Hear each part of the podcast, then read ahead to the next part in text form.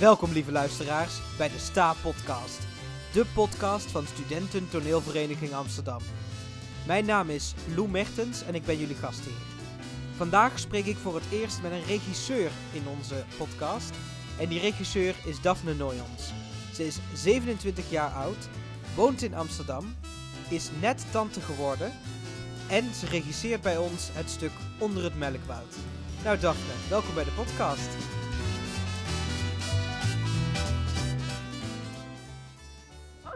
Eerste. bent de eerste regisseursgast in Oh, wauw. Ik dacht dat ik al uh, zoveelste in een rijtje was, maar ik ben nee, helemaal... Nee, je bent de de allereerste. première ben ik. De primeur, inderdaad. Ja. Ja. Ik ben ook heel blij dat je er bent. Eh, welkom in eh, de opslag. Eh, men hoort de echo misschien. Ja, Ja. ja, het is wel groter dan de vorige volgens mij. Het is zeker groter dan de vorige. Ja, en sowieso hebben we vorig jaar een paar keer moeten verhuizen. En deze hebben we nog tot en met december, dus die hebben we nu al meer dan een jaar. En de grote watersnoodramp, daar ben ik nog bij geweest. De grote watersnood. De grote watersnood. Toen zat de opslag, die stond helemaal vol blank, gewoon met water. Oh, jezus. Echt, nou, en je moest regelaars aan om er door, door het water te waden. Mhm. En ik was toen materialencommissie. Oh, wat erg. Dat verzwijg ik eigenlijk meestal, dus dat is een klein geheim. En eh, toen heb ik die deur open gedaan en de ramp was dus zo groot dat ik de deur maar gewoon weer dicht gedaan heb. ja, even voor context voor de luisteraars. Daphne is naast regisseur ook oud staalid. Want je hebt... Hoe lang heb je bij Sta gezeten? Je bent ook best Twee jaar eh, ben ik eh spelend lid geweest en ik ben een jaar eh borrellid geweest. Maar ik Aha. ben zelfs een jaar voordat ik lid werd, een jaar sluiplid geweest. Oh. Voor de mensen die niet weten wat een sluiplid is, dat betekent dat je dus niet door de hele ding heen gekomen bent. Mhm. Maar dat je er heel graag bij wil, dus dat je daarom maar gewoon naar alle voorstellingen gaat. Dus, dat, dus iedereen dacht ook dat ik erbij hoorde. Dus dat Aha. gaf me ook al bijna die korting van 4 euro, weet je wel, 4 euro voor. Dus ik ben toch staalid? Nee. Oh, Oh, oké. ja. Ja. ja. dat is inderdaad eh, ook heel gaaf. Want dan weet je ook inderdaad als regisseur ook al een beetje hoe het werkt binnen Sta. Inderdaad, de materialencommissie die op dit moment nog bezig is. Want wij hebben inderdaad vorig jaar de, de watersnoodramp heb ik niet meegemaakt. Nee. Maar we hebben vorig jaar een andere ramp gehad.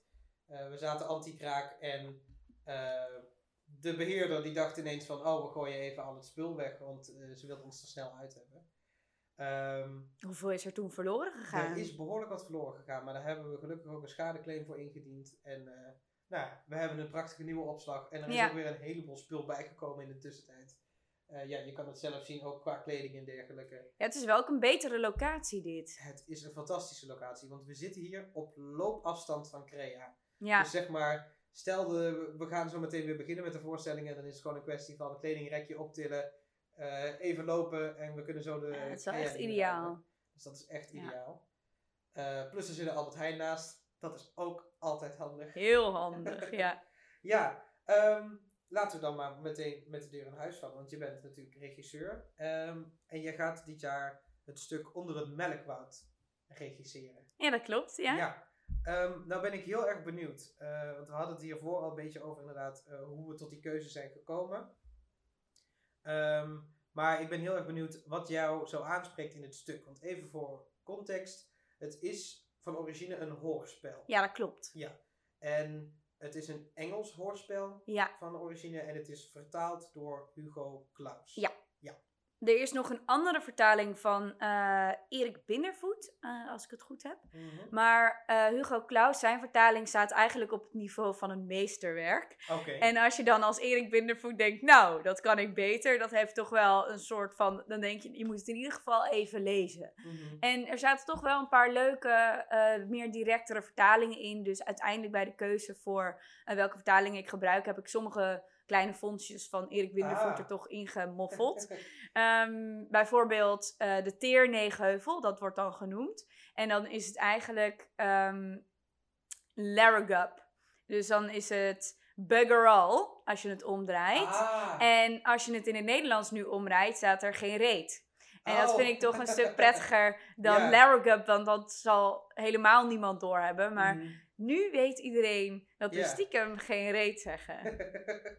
Het is inderdaad eh, een hele leuke vertaling. Ja, want eh, schets eens een beetje de context. Waar gaat het stuk ongeveer over? Ehm, Nou ja, de meeste stukken volgen zeg maar eh, een familie of een paar mensen. En die laten heel veel karakterontwikkeling zien. En die Mhm. gaan dan heel erg in op hoe dat allemaal zo komt. Of Mhm. die, die schetsen op die manier een, een verhaal. En dit gaat eigenlijk over een, een klein stukje uit het leven van. Een, een soort straatbeeld. Dus het Ja. zijn eigenlijk vooral heel veel beelden. Je volgt een stadje van ehm, een nacht, een ochtend, een middag en een avond. En op die manier eh, krijg je eigenlijk kleine stukjes van hun leven. Maar niet heel intens, maar gewoon even alsof je eh, over straat loopt en even naar binnen kijkt. En dan Mhm. een klein inkijkje krijgt in het leven van. En ehm, ja, ik als maker ben wel ook wel heel erg eh, gericht op fysiek com- comedy. Ja. Dus dat sluipt er toch ook altijd een beetje in. Dat ik denk, oh ja, nee, dat is leuk. Misschien moet je toch even sluipen, weet je wel. Mhm. Dus het, het, het is wel een groot spel. Ehm, maar ik denk ook dat dat stuk het heel goed kan hebben. Dat het een beetje panache krijgt, zeg Ja. maar. Ehm, dus het, het, het wordt heel v- vrolijk, maar ook heel zielig. Dus dat is een Mhm. beetje het tegelijkertijd. Eh, wij zijn allebei theaterwetenschappers. Of tenminste, jij hebt de opleiding al afgerond en eh, ik ben op dit moment een scriptie aan het schrijven. En ik ken de naam Hugo Claus uiteraard. Die heeft onze docent eh, erin geramd. En hij staat heel erg bekend om bepaalde stukken. Maar dit is een vertaling. Dus vroeg ik mij puur uit interesse af. ehm, zit er zeg maar een soort Hugo Claus-ism ook in? Zeg maar, dat hij iets heeft meegenomen uit zijn eigen in die vertaling? Nou, hij, ze, we zeggen over deze vertaling dat hij op zichzelf staat. Mhm. Ehm, dus dat die dus zo goed is dat het dus meestal is het een soort dat je in de knel komt met de andere taal en dat je niet die, dat bloemrijke wat Dylan Thomas erin heeft. Mhm. Nou ja, het, het, als je het stuk gaat kijken, dan zal je zien dat het echt, het beschept een beeld. Het, daarom ook voor de eh, introducties, en toen moesten we zo'n klein filmpje maken, dacht ik, het is eigenlijk het beste om het eerste stukje tekst voor te lezen Mhm. omdat het gewoon. ehm, je komt in een bepaalde sfeer en alles wordt uitgelegd in termen die je niet meteen zo eh, zou bedenken. Dat je dan de, de gitzwarte, super traag zwart, traag zwart bijvoorbeeld. Mhm. Als je dat bij elkaar zet, dat schept meteen een beeld. Maar het is iets heel poëtisch. En ehm, dat was ook een uitdaging tijdens het repetitieproces om te zorgen dat je die tekst genoeg eh, ruimte geeft. Want je kan niet als kijker en zoveel tekst bevatten en Mhm. nog superveel prikkels verwerven. Ook verwerken, ook niet zeg maar de mensen die nu superveel prikkels tegelijkertijd krijgen. die kunnen ook niet, je moet, het is tekst waar je aandacht bij moet houden. Mhm. Dus dat vond ik een uitdaging om dat eh, op die manier te creëren. Dat je dus een beeld schept en tegelijkertijd een soort rust creëert. Ja, want eh, wat mij al helemaal een uitdaging lijkt bij deze tekst is dus inderdaad, het is van origine een hoorspel. Ja, En dat en een hoorspel ehm, voor de jonge luisteraars is een beetje zoals een podcast. Eh, alleen werd dat vroeger op de radio afgespeeld. Eh, en wat ik mij voorstel bij een hoorspel is dat daar ook heel veel taal in zit die bijvoorbeeld beschrijft wat voor acties er gebeuren. Mhm. Ik neem aan dat in een toneelbewerking dat misschien al verminderd is. Maar het is inderdaad heel erg sprekend, heel erg vertellend. En dan ben ik heel benieuwd hoe jij als maker dan inderdaad dat gaat vertalen naar een beeld. Omdat Ja. het, de taal heel erg beeldend moet zijn in een hoorspel. Maar er komt dan hier natuurlijk nog de ruimtelijke dimensie bij, dat je dan precies. mensen op een... En in sommige, daar ben ik op verschillende manieren mee omgegaan. Eh een van de dingen is gewoon het weglaten. Dat ik denk, nou nu hier vind ik het dubbel op. Wil ik het niet, daaruit. Dus Mhm. daardoor heb ik ook een veel kortere tekst gekregen natuurlijk. En soms kan je ermee spelen. Ehm, door het een te zeggen en dan daar op een soort komisch effect mee, mee om te gaan. Dus ik probeer er heel erg een soort mee, mee, het mee te nemen. Ja. En ehm, geluiden, het, het, het zit er ook wel in. Maar wat ik vooral heel erg meeneem van het idee dat het een hoorspel is en wat me ook heel erg aansprak, Mhm. was ehm, dat bij een hoorspel, je kan een hoorspel op het toneel zien en dan zie je zeg maar hoe ze al die geluiden maken. Ja, Dus je ziet bijvoorbeeld dan eh, hoe ze de regen maken. En dat is in zo'n grote koker met rijst en dat houden ze dan om. En dat is eigenlijk heel leuk om te zien.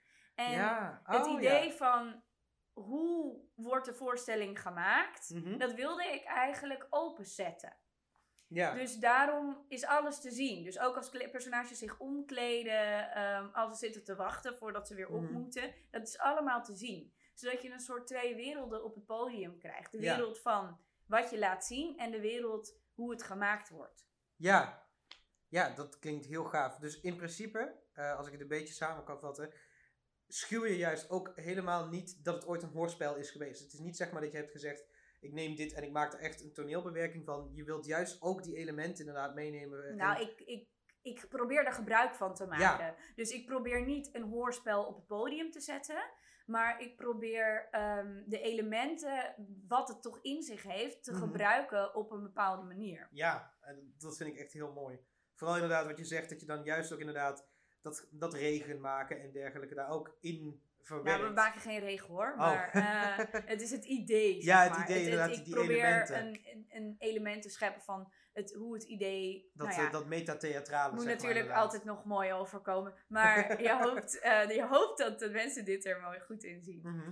Ja, zoals ik je er zo over hoor praten, dan heb ik daar denk ik wel vertrouwen in. Want eh, Oh, dat is fijn. Je, je brengt het heel overtuigend over.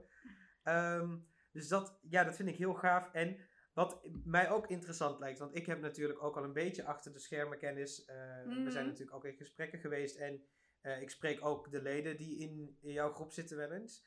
En, ehm, want eh, om heel even zeg maar terug te gaan naar het begin, we zitten in een coronatijdperk en er moest op een gegeven moment online gerepeteerd worden.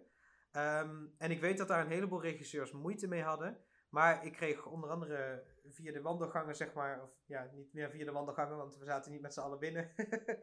maar ik kreeg te horen dat die repetities van jou wel heel gaaf waren en doorgingen, omdat inderdaad ook stemgebruik Ja, heel erg meegenomen werd. ik vond dat in dit stuk heel belangrijk. Dus het is Mhm. niet zo dat ik denk van el- voor elk stuk is dat even belangrijk. Soms zijn andere dingen belangrijker. Maar als je die poëtische teksten gaat doen, ja, ik was vreselijk. Nou ja, eigenlijk ben ik nog steeds vreselijk. Zeg maar, je kan drie woorden zeggen en dan nee, weer overnieuw, weer overnieuw, weer overnieuw. Tot je zeg maar echt de feeling hebt, wat zeg ik nou eigenlijk? Ja, En bij de ene tekst is dat veel belangrijker dan bij de andere. Nou, het is eigenlijk altijd super belangrijk. Eigenlijk vind ik het. Dat neem ik terug. Ik vind het altijd super belangrijk dat mensen weten wat ze zeggen wanneer ze het zeggen. mhm. Wat bedoel ik daarmee? Eh, wat zit daaronder? Hoe kan ik dynamieken toepassen? En die tekst die leent zich daar perfect voor. En het was ook al zo, dat, dat kreeg ik terug van een speler afgelopen keer. Van ja, misschien, want ik, ik had een speler die afgehaakt is. En die zei ja, misschien vond hij het wel heel intens dat je eh 10 minuten met drie regels per speler eh, behandelde. Dat kan misschien een beetje te intens overgekomen zijn. Denk ik, ja, maar dat was nodig. Dan zegt hij, ja, dat weet ik ook. Ik weet dat het nodig was. Maar dat kan intens ook. Dus dan denk ik, Ja. ja. maar dat is wel wat ik belangrijk vind. En Mhm. dat is misschien ook, dat leent zich ook online, maakt dat niet zoveel uit. Dus dan hebben we eigenlijk het hele stuk op deze manier doorgekomen. Mhm. eh, do- doorgewerkt. Ja. En dan was het zo, dacht ik, nou, we zijn aan het einde. We beginnen gewoon weer overnieuw. Want het was namelijk zo dat ik dacht, ja, je moet toch ook een soort... Er zijn nog genoeg dingen waarvan ik denk, dat kan je ook nog doen, dat kan je ook nog doen. Mhm. En toen op een gegeven moment kwamen we wel echt op een punt dat ik dacht, ja, als ik nu nog er erg aan ga morrelen, dan eh, gaat het vastzitten. En Ja. Ik wil dat ik er nog mee kan spelen, dat ik er nog dingen mee kan doen. En sommige dingen, dan moeten ze gewoon contact maken. En Mhm. dat kan niet via Zoom. Dat kan inderdaad niet via Zoom. Nee, Nee, dat is ook heel lastig. Want ik heb dit ooit al beschreven op de podcast. Eh, alle regisseurs zijn altijd heel creatief omgegaan met Zoom. Want dat is het enige wat je kunt doen. Je wilt toch er iets van maken, zelfs als je via Zoom moet repeteren. En mijn regisseur heeft bijvoorbeeld de poppetjes van de buurmeisjes geleend. En dan had hij een tekening gemaakt op een tafel. En, ja, daar had je over verteld, ja. Ja. Dat, ze dan, dat je alle mise-en-scènes uit ging spelen. Mhm. En dat in het begin iedereen helemaal blij was. Want het voelt toch een beetje alsof we wat extra's krijgen. En dan daarna dat het was, nou, te veel moeite. Het is op een gegeven moment, het, Ja. het, is, het is sowieso, en daarom ben ik ook heel blij. Het, het, zeg maar, het is nog steeds niet ideaal buiten repeteren, maar we kunnen wel weer samen zijn en je kan inderdaad weer elkaar voelen, contact maken. En ik, ehm, dat vind ik wel interessant, want ik heb dit natuurlijk ervaren als speler, maar hoe is dit als regisseur dat je dan inderdaad toch weer, het is sowieso compleet andere ervaring buiten, Ja, maar hoe heb je dat opgepakt? Hoe ben je daarmee omgegaan? ja ik ben altijd een beetje droog in dat soort dingen. Ik denk altijd, nou, we gaan naar buiten, dan gaan we naar buiten. Ja, dan denk ik gewoon van, dat doen we gewoon. Mhm. Ehm, en ja, ik, ik, ik merk wel dat je als regisseur ben je wel wat, wat harder of zo in sommige dingen. Dat je denkt, nou, we gaan gewoon door. en bla, bla, bla. Ik heb ook tegen, als ik langer repeteer, zeg ik tegen spelers van... ja, eh, jullie krijgen dan en dan pauze, maar je moet het wel even zelf aangeven, want ik ga het gewoon vergeten. dan vergeet ik gewoon spelers eh, pauze te geven, want ik, ik ben een soort dieseltje. Ik Mhm. kom op gang en ik stop niet meer. Dus dat, dat, is, dat weet ik van mezelf, dus dan moet je dat even, even ja, laten weten. Ja, En, maar wat ik in het begin was het eigenlijk veel te koud om buiten te zijn. En dat ik dan zo'n speler zo klappertandend op de ding zag. En dat ik dan toch wist te zeggen. Dat is natuurlijk ook half een grapje. Maar dat ik dan zei: Ja, ik zie dat je het koud hebt. Speel maar alsof je het niet koud hebt. ja we leven in een zien. theaterwereld. Hè? In principe kun je alles creëren. nee, dat is inderdaad wel een leuke oplossing. Ehm, dus ik wil het niet zien, zei ik toen. Ja, ik dacht ook, ja, dat is ook niet te doen. Want hij had het gewoon zo koud en je zag al dat hij het probeerde te verstoppen. Maar het was Mhm. gewoon geen doen. En dan denk je, dan verlang je gewoon zo terug naar een tijd waar je gewoon een crea-lokaal hebt. En al dat soort zooi niet, weet je wel. Waar gewoon de Ja. randvoorwaarden gewoon vanzelfsprekend goed zijn. Mhm. En dat je daar geen zorgen over hoeft te maken. Of dat we dan, ja, wij hebben dus een podium op een podium. En dan elke repetitie verandert dat podium een beetje. Omdat we het met tassen, zeg maar, markeren. Ja, En dan is het weer puntig. En dan zien mensen de lijn niet. Terwijl normaal zou je gewoon dat veel makkelijker strak kunnen zetten. Omdat je in hetzelfde lokaal zit. Dus Ja. dat zijn allemaal dingen waar je tegenaan loopt. En maar ja, dezelfde dingen waar je ook tegenaan loopt zijn gewoon dingen als dat, dat het moeilijk is om de groep gewoon compleet in je lokaal te krijgen. Of Mhm. buiten op de repetitie. ja want het, het is toch onregelmatiger. Als je inderdaad in een lokaal zit, dan heb je gewoon die regelmaat van op dinsdag ga ik naar Crea. Ja, precies. En wij hadden natuurlijk de vrijdagavond en die heb je gereserveerd, dat snap ik. En dan Mhm. vervolgens zeg ik, omdat we dan op zondagochtend veel beter buiten konden repeteren vanwege de avondklok en zo, dan verplaatsen we het naar dat. Maar ja, dan zit beschikbaarheid weer van mensen. Dus dat is, dat is ja, het is wel, kan wel frustrerend zijn hoor, als Mhm. maker. Ja, en dat is inderdaad, wat jij zegt, die avondklok is nog inderdaad heel erg moeilijk geweest. Want een heleboel groepen inderdaad, we hebben bij STA een vroege groep en een late groep. En de late groep zit gewoon midden in die avondklok, want ze beginnen meestal rond een uur of half negen. En dan raak je gewoon die avondklok aan als je tot elf normaal zou repeteren. Nou, wij ook hoor, want Mhm. ik ging altijd tot tien uur door. Dat mocht eigenlijk niet, maar dat deed ik altijd. En dan, ja, dat, dat, dat kon eigenlijk niet. Mhm. Dat kan, en nu is gelukkig die avondklok weg, dus dan kun je Ja. inderdaad ook eh, net Maar ja, nu meer moet je tijd alsnog nemen. of- buiten. Dus dan denk ik, ja jongens, wij houden het gewoon op overdag. Want Mhm. ik heb, heb er geen zin in. Pas als het dan geen avondklok en we kunnen weer binnen repeteren, dan wil ik wel weer eh Ja, s'avonds gaan repeteren. Dat is inderdaad wel een interessante keuze die jij hebt gemaakt. Want de meeste regisseurs zijn ongeveer op hun eigen tijdstip gebleven. Sommigen zijn vervroegd inderdaad vanwege die avondklok. Maar jij bent inderdaad dus ook naar een andere dag gegaan en overdag. Ja, Ehm, dat is op zich ook een hele interessante keuze om te maken. Want het is ook vooral een weekenddag. Dat is iets wat Staan natuurlijk normaal niet doet. Ehm, hoe, hoe ben je daarbij gekomen? Of ja, je hebt het natuurlijk net al een beetje gelegd, uitgelegd. nou ja, wat het is, is dat je ka- ook kijken, je kijk, moet ook heel erg kijken naar wat je groep zegt. En eigenlijk konden de meeste mensen konden wel op die dag. Dus dan denk je, nou ik ook, nou prima. Dan gebeurt dat een beetje organisch. Je hebt natuurlijk altijd weer mensen die dan niet kunnen. Nou ja, maar dat zal je altijd houden, welke keuze je ook maakt. Dat is zeker waar. En dit voelde gewoon als eh, om het beste om te doen. Dus het is niet zo van dat er superveel afwegingen over zijn. Het is gewoon dat je denkt, nou, we moeten iets anders gaan doen. En s'avonds repeteren buiten, ja, hoe krijg je genoeg licht? Ik vind dat gewoon een enorme uitdaging. Ik zag allemaal beren voor s'avonds repeteren. Dus ik wilde eigenlijk graag overdag. En dan Mhm. is die keuze gewoon graag ja, snel gemaakt. Ja, Als ik naar buiten moet. Nou ja, en het is inderdaad ook warmer. Het is ook Het warmer, vooral ja. als je inderdaad, inderdaad rond het middaguur zit, dan is het buiten gewoon een stuk warmer dan s'avonds. En tegenwoordig zijn er dan ook gewoon nog to-go plekken open waar je dan een koffietje kan halen. Dat Weet is je wel, inderdaad- dat is natuurlijk ook prettig. Mhm. Dus Ja, en is, vooral inderdaad richting die avondklok ging alles dicht. Dus dan heb je ook inderdaad dat je inderdaad niet na de repetitie nog even een drankje ergens kunt halen of iets. Nee, Ehm, ja, ik, als ik sowieso, eh, want ik, we gaan heel even zo meteen een pauze inlassen. ja. Maar ik wil nog even een tip meegeven. Eh, ik weet niet of je het overwogen hebt, maar je had het net inderdaad over die, dat decor, dat dat lastig is. Stoepkrijt. Hebben jullie dat ooit overwogen? Ja, ehm, dat nu je het zegt, denk ik, oh ja, dat zei ik de volgende keer, dus dat is wel goed, dan neem ik dat morgen mee. Mhm.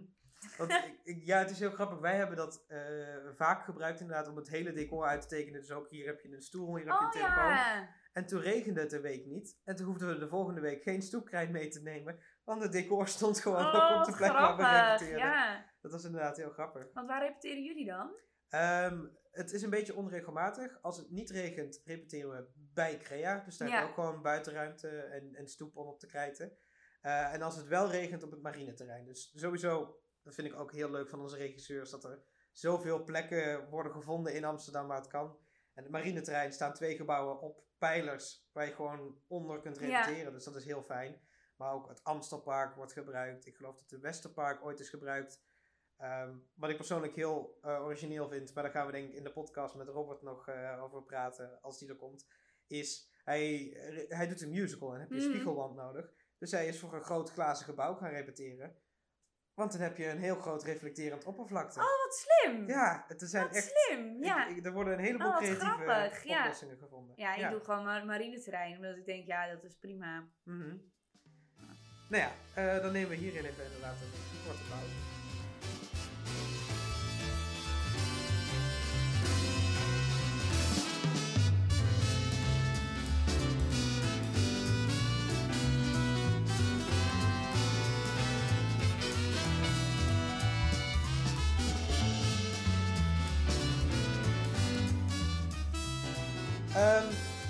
Welkom. We zijn weer terug van de pauze. en eh, we hebben net eigenlijk al een, een heel mooi gesprek gehad waarin we het, het staaggedeelte eigenlijk al uitvoerig hebben besproken. Inderdaad, hoe jij jouw voorstelling gaat doen, hoe het repetitieproces nu gaat, ook met corona en hoe het is gegaan. Ehm, dus eh, voor dit laatste gedeelte van de podcast eh, nemen we een andere ingang. Ehm, waar ik heel erg benieuwd naar ben, en ik, ik weet dat toevallig ook al een beetje, want ik was bij jouw sollicitatiegesprek vorig jaar. Ehm, maar ja, waarom regisseur? Eh, dat is een beetje een filosofische vraag, maar... Waarom regisseur? Ehm, ja, eh, ik heb heel veel gespeeld. Ik ben opgegroeid in een theaterfamilie. Mhm. Ehm, dus mijn vader is eh, opgeleid tot regisseur in- op het Rits. In eh, België is dat. Oké. En mijn opa die heeft bij het Noord-Nederlands toneel gespeeld. Mhm. Dus eigenlijk zou je Van kunnen zeggen... heel, heel Noord naar heel Zuid. Ja, ja ik kan je, kan je wel zeggen dat, dat het heel erg in de familie zit. Mhm. En mijn moeder heeft bij een amateur, die heeft een eigen amateurgroepje in Amsterdam. Ze hebben ze elkaar ook leren kennen, super romantisch, Regisseur en actrice. en eh, dus ik heb eigenlijk van jongs af aan ging ik mee ook naar voorstellingen. En ik ben er echt van kleins af aan al helemaal vol van. Mhm. Eh, nou ja, gewoon dat, dat, het, het idee van dat op het theater alles kan. Dat je alles kan zijn, dat je alles kan worden, dat je alles kan creëren. Die soort black box van alles is mogelijk, dat heb ik zo fantastisch gevonden altijd. Mhm. En nou ja, het is natuurlijk ook heel fijn dat als je eh, dat kan delen met mensen in je gezin of in je familie, dan is dat gewoon heel fijn. Ehm, dus dat, dat, daar heb ik heel erg van genoten. En ik heb altijd gezegd vanaf de basisschool, ik ga iets met theater doen. ik heb mijn middelbare school uitgezocht op dat er eindexamen drama was. Ik Mhm. was er altijd heel serieus mee bezig. Mhm. Ehm, veel gespeeld. En op een gegeven moment dacht ik ook altijd wel van ja, vind ik het regisseren niet ook wat? En eh, dat heb ik altijd geprobeerd een beetje uit te zoeken. Maar dat is moeilijker om dat heel veel uit te proberen. Dat is Omdat je altijd een groep nodig hebt. Dus ik heb daar gewoon nog minder ervaring mee. Maar wel altijd kleine, kleine projectjes gedaan. Ik heb een keer eh, mijn moeder geregisseerd. eh, in Magne van den Berg, Koude Koffie Smaakt niet. niet. Het heet Kale Bomen Ruizen niet officieel. En toen heb ik dat bewerkt. Mhm. naar, in plaats van dat het twee vriendinnen zijn, naar een moeder en een dochter. En dan een moeder die, zeg maar, nou, in de negentig is. Ik had een hele oude actrice gevonden. Oh. En dan mijn moeder. En mijn moeder is dan, nou ja, 60. Dus dat is dan een vrouw die gewoon nooit het huis uitgegaan is. Mhm. Omdat ze zo beklemd geleefd had. Dat ze gewoon altijd maar klein gehouden is en thuis gehouden. En dan is op een gegeven moment heeft ze, is er dan in het verleden dat ze wel gevlucht is naar een man. Mhm. En dan is dat misgegaan. Dus ze moesten alsnog terugkomen bij die moeder. Ja. En dat die moeder dat dan altijd maar blijft herhalen. Hoe vreselijk het was dat ze het gedurfd heeft om weg te gaan. nou ja, zo daar ging dat over. Dat heb ik gedaan. En ik heb een eh, Shakespeare-productie gemaakt met alleen maar vrouwen en plaksnorren. Oh, Ja. dat klinkt eh, Eh, dus dat subversief. een heel fijn, subversief stukje was dat. Nee, het was echt Mhm. een avond. En, en wa- waren het meerdere Shakespeare-voorstellingen of was het ook echt Nee, As You Like It was As You. Like It. Ja. Aha. Eh, dat heb ik toen geregisseerd, dus dat was mijn. En daarvoor heb ik nog op de middelbare school een eh, bewerking gemaakt op de kleine zeemeermin. Eh, Heel Oh. schattig was dat. Mhm. En nou ja, met e- eerste klassers die dan verliefd Oh. moesten spelen. Super cute. Dat is echt heel leuk. Dus dat heb ik ook nog gedaan. Dat, dus ik heb wel wat, wat dingetjes gedaan, maar ik ben eigenlijk beginnend maker. En ik ben zelf een beetje aan het uitzoeken Mhm. hoe ik dat allemaal wil doen. En het, het bevalt me heel goed eigenlijk. Ja, maar dat is ook het bevies. Sowieso, zeg maar, als je... Er zijn opleidingen voor, uiteraard. Maar bij theater is het ook een kwestie van ontdekken, inderdaad. Ja. Doen en ontdekken.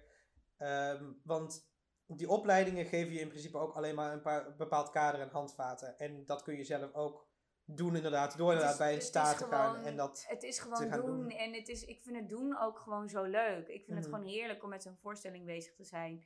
Dus ja, ik vind het een beetje... Ik heb het echt als een cadeautje ervaren, dit. Plus, het is natuurlijk ook niet alsof je geen voorkennis hebt. Want je hebt Nee. natuurlijk theaterwetenschap gedaan. Ja, zeker. Prachtige opleiding, al zeg ik het zelf. ja, Ja. nee, ik vond dat ook heel leuk. En ik had ook zoiets van, nou ja, ik wil me meer verdiepen in theater. En ik wil Mhm. niet meteen voor een regieopleiding of zo, dat soort dingen gaan. Toen heb ik theaterwetenschappen gekozen. Mhm. En dat geeft eigenlijk ook een, soort mooie basis. Ja, want, dat is het ook. Zeg maar, ik, ik, eh, ik merk zelf inderdaad, want volgens mij eh, hebben we het daar straks ook over gehad. Ik weet niet of dat opgenomen is of dat het hier buitenom was. Maar inderdaad, theaterwetenschap blijft een hele theoretische opleiding. Ja. Dus de praktijk wordt vaak gemist door studenten. Maar het biedt vooral een referentiekader. Dus het is inderdaad, Ja, je, je krijgt meteen alle kennis van het theater mee. Waardoor je inderdaad makkelijker een regisseur kan worden of een, een maker of iets. Want je hebt gewoon die basis inderdaad. Ja, nou ja, het is ook wel, ik denk dat het maker zijn ook een soort drive is. Van als je het heel graag wil, dan moet je het gewoon gaan doen. Dus dan kan je wel lopen miepen van, oh ik wil het zo graag, maar ja, daar bereik je dus niks mee. Nee, absoluut niet. Dus het, het, het is gewoon ook doen en je niet, ja, het is wel een, een treurig iets van eh, creatieve mensen dat je eindeloos afgewezen wordt. En dan is Mhm. het dus je, de kracht om door te gaan en om gewoon te denken, nou dan op deze manier. En wel Ja. te zoeken naar wat bij jou past. Absoluut. Maar eh, ja, niet opgeven. Ja, en dat is het ook inderdaad. Je moet heel erg zoeken naar, want het is ook soms, word je ergens afgewezen en dan, als je dan het gevoel krijgt van, oh misschien is die niet voor mij, dan is het ook niet voor jou. Als je het gevoel hebt van, als ik hier word afgewezen, dan wil ik hier ook niet zijn, dan is het niet mijn plek. Dan ben je ook echt die aanhouder inderdaad, want het is absoluut de aanhouder wint. Eh, ik bedoel, jij hebt inderdaad flink audities gedaan voor opleidingen. Ik heb inmiddels iets van acht audities achter de rug gehad. Ik heb vijf jaar geleden een hele rij gedaan, eh, dit jaar weer opnieuw. Dus het, het is inderdaad ook gewoon een proces van leren en doen Ja. en altijd ontwikkelen, doorontwikkelen. Dat is het sowieso. Er is ook geen moment dat je op een gegeven moment zegt van, nu ben ik regisseur. Nee, en je moet ook eigenlijk, uiteindelijk moet je ook altijd kijken wat past bij mij. En ehm, nou ja, als je dan uiteindelijk wel aangenomen wordt en het is het dan nog ook niet, dan moet je daar ook eerlijk in zijn. Ja. Ja. zeker. En het is ook niet het einde van de wereld. Want inderdaad, als jij zelf zegt, ik, ik wil een maker worden, dan blijft dat ook bij je inderdaad. Het is niet alsof je Ja, dan nou ja, inderdaad... ik wil gewoon voorstellingen maken. Dus dan wil je maker worden. Ja, ik wil gewoon lekker mijn ding kunnen doen. En Mhm. vanuit een stuk werken. En nou ja, dat vind ik heel tof. Ja. ja, en dat is ook heel tof. En toen heb je bij Sta geregisseerd. Dus dat vind ik sowieso ook echt een vertoon van ballen hebben. Dat je dan ook gewoon bij je eigen vereniging terugkomt. Om inderdaad te gaan regisseren. Ja, ja, maar dat leek me dus zo leuk. Dat is echt Dat vond ik leek me nou. Maar ook omdat ik, ik vind Sta gewoon een hele fijne plek. En ehm, als je denkt, nou, wat is nou een plek waar je dingen uit kan proberen en waar gewoon echt wel flink wat mogelijk is, Mhm. waar mensen gemotiveerd zijn, dan vind ik Sta daar echt een goed voorbeeld van. Dus als maker is het gewoon heel fijn om dat te gebruiken als een soort basis en misschien daarvan eh, verder te kijken. Maar nou, ik voel me wel prima bij Sta. ja, gelukkig. Ja. En dat is ook wat wij proberen te bieden natuurlijk. Inderdaad, Ja. dat het heel erg fijn en veilig. En het is ook inderdaad... Want hoe dat natuurlijk werkt is, je solliciteert. eh, en als je wordt aangenomen, dan krijg je in principe een groep spelers. En dat is gewoon jouw home klei. Het is niet alsof wij ook zware verwachtingen aan jullie stellen van... Hier is het stuk, we willen dat dit perfect op het beeld komt. Nee, jij nou, gaat inderdaad... Nou, nou, nou, Ja. nou, nou. Nee, Nee, maar zeg maar, in, in vorm is het zo dat jij een groep spelers krijgt en jij gaat daarmee de voorstelling Ja. maken. En het is niet inderdaad alsof, eh, wat bij andere verenigingen wellicht wel zo is, en dat, als dat voor hun werkt is dat prima.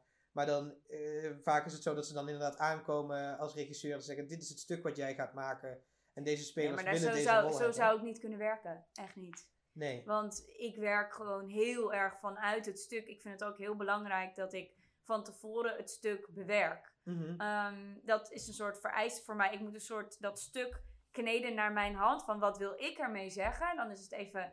Dan is het van mij en dan kan ik het gaan regisseren. Mhm. Maar als je mij gewoon een stuk geeft van hier, doe dit, dat kan ik niet. Dan denk ik, ja, eh, wat dan, hoe dan? En Ja, dan, dan ga je daar, ja, dat gaat Mhm. niet. nee, ja. eh, Dat is bij Sta dus inderdaad niet. Bij Sta kun je, daar heb je die vrijheid. Dan kun je ook een heleboel maken. En heel veel mensen maken montagevoorstellingen bij staan. Dat Ja. is wel weer grappig. Nou ja, het is op zich een vrij even balans. Of tenminste, want eh, daar ben ik dan als bestuur bij geweest. Eh, Mhm. Eh, in het begin, want er, er, er melden zich een heleboel mensen als regisseur inderdaad aan. Vorig jaar hadden wij een record aantal sollicitaties van 42. Ehm, Maar ik er één van. ben. ja, dus Oh. sowieso, je bent één van de geworden. Ja. Maar ook, ehm, waardoor voor ons het aanbod heel groot was. Dus dat is heel fijn, want dan kun je ook zeggen inderdaad van, want je wilt toch inderdaad je spelers ook wat diversiteit aanbieden. Want je wilt niet alleen tekst, je wilt niet alleen montage. Maar daardoor hebben we inderdaad kunnen kiezen voor een aantal regisseurs die echt zuiver teksttheater willen maken. Of in ieder geval hun tekstvoorstelling willen maken. Maar ook inderdaad mensen die montage willen doen. ja, Eh, en er zitten ook, daar zit dan weer gradaties in. Want je hebt montage Zeker. vanuit een boek. En je hebt montage vanuit een idee. Dus waarbij je echt heel erg uit de spelers gaat als bron. Of heel erg uit een boek van, als bron. Dus wat dat betreft. Ja, en daar pas jij natuurlijk ook gewoon helemaal in dat rijtje van inderdaad. Jij bent dan iemand die ook de tekst wel als bron gebruikt. Maar bijvoorbeeld wel inderdaad zelf nog bewerkt. ja, Wat er ook weer net iets anders is dan inderdaad. eh, hier is de tekst. Leer het uit je hoofd. We gaan het doen.